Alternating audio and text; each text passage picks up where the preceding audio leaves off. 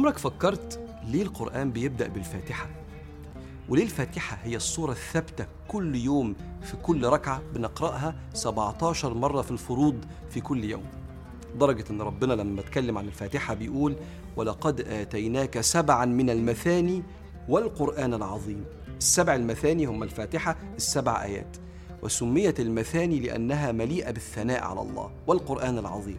فكأن الفاتحة في جانب والقرآن في جانب من عظمة الفاتحة وتدليل ربنا عز وجل على عظم ثواب الفاتحة. وسيدنا النبي عليه الصلاة والسلام بيقول لواحد من الصحابة ألا أعلمك أعظم سورة في القرآن قبل أن تخرج من المسجد؟ فأخذ بيدي فلما أردنا أن نخرج قلت يا رسول الله إنك قلت لأعلمنك أعظم سورة في القرآن. قال أعظم سورة؟ الحمد لله رب العالمين. وعلى فكرة أصل الرقية الشرعية في الفاتحة وفيها سر في الشفاء. فلو عندك هموم أو أوجاع بعد ما تاخد الدواء حط إيديك كده واقرأ الفاتحة بيقين على همومك وأوجاعك. فالعلماء قالوا ليه؟ قالوا لأن الفاتحة فيها منهج السير إلى الله. وأنت عبد وظيفتك أن تسير على طريق الله إلى أن تصل لربنا رضاه وحبه سبحانه وتعالى. هذا المنهج خمس مراحل موجودة في الفاتحة. سر السير بداية السير المعين على السير وسر العبادة وقدوتك في السير. سر السير إلى الله هو بسم الله الرحمن الرحيم اللي بدأت بها الفاتحة. بتقول له يا رب ببدأ كده بك لا بنفسي بقوتك مش بقوتي بتوفيقك مش بمهارتي. أنت اللي هتاخد بإيدي مش إخلاصي وتقواي. أنا الخطاء وأنت المعين. ثم بداية السير إلى الله هي الحمد لله رب العالمين الرحمن الرحيم. بتبدأ بمعرفة ربنا بحمد ربنا سبحانه وتعالى اللي وصف نفسه بإيه؟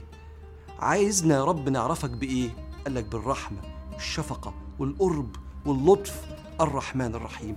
وعلى فكرة كل ما تزيد معرفتك بربنا كل ما هتتعلق أكتر بيه وكل ما هتسير لربنا وأنت محب للعبادة. رقم ثلاثة بعد سر السير وبداية السير المعين على السير وهو الإيمان بالآخرة. اللي أنت بتقول فيها مالك يوم الدين. الله هو مالك الآخرة. وأنت هتقف بين إيديه أنا وأنت بعد عمر في الدنيا. يقول ربنا في القرآن ولقد جئتمونا فرادى كما خلقناكم أول مرة. فعبر عنها القرآن مالك يوم الدين. يوم الدين يعني يوم نجاح اللي جاي عنده دين. ويقال إن كلمة الدين يعني الجزاء. يومئذ يوفيهم الله دينهم الحق فالله هو مالك يوم الجزاء. ده يعينك إنك أنت تبدأ تجتهد في السير إلى الله عشان تروح له يوم القيامة وأنت عندك دين. ثم رقم أربعة سر العبادة. سر العبادة هي إياك نعبد وإياك نستعين. يعني نعبدك بك. مش هنعرف نعبدك إلا بإذنك وفيها ملخص القرآن كما يقول سيدنا علي بن أبي طالب جمع القرآن في الفاتحة وجمعت الفاتحة في إياك نعبد وإياك نستعين. فلولاك ما عبدناك يا رب العالمين. كأنه بيقول لك كرر المعاني دي يوميا على مسامعك يا رب خد بإيديا من غيرك مش هقدر أقرب منك. ثم تختم الصورة بعد سر السير بسم الله وبداية السير التعرف على الله. والمعين على السير الإيمان بالآخرة. وسر العبادة إياك نعبد وإياك نستعين يبقى قدوتي في السير. اهدنا الصراط المستقيم. صراط الذين أنعمت عليهم. غير المغضوب عليهم ولا الضالين.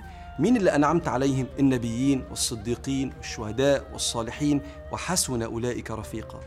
فكأن العبد بيقول له أسألك الإنعام. يا ملك يا قدوس يا سلام. كما أنعمت على من قبلي من النبيين والصديقين والشهداء والصالحين. غير المغضوب عليهم. من المغضوب عليهم هو كل واحد عرف ربنا ورفض ربنا لهوى نفسه.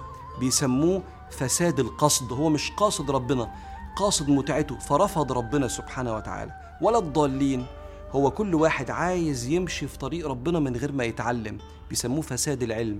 فيا إما يعمل تسيب يا إما يعمل تشدد بسبب إنه ماشي على ضلال من غير ما يتعلم. فغير المغضوب عليهم ولا الضالين. قدوتي اللي انت أنعمت عليهم يا رب العالمين. ثم تختم الصورة باللهم استجب اللي هي آمين. فاحتوت الفاتحة على منهج السير. سر السير بسم الله. بداية السير معرفة الله. المعين على السير الإيمان بالآخرة.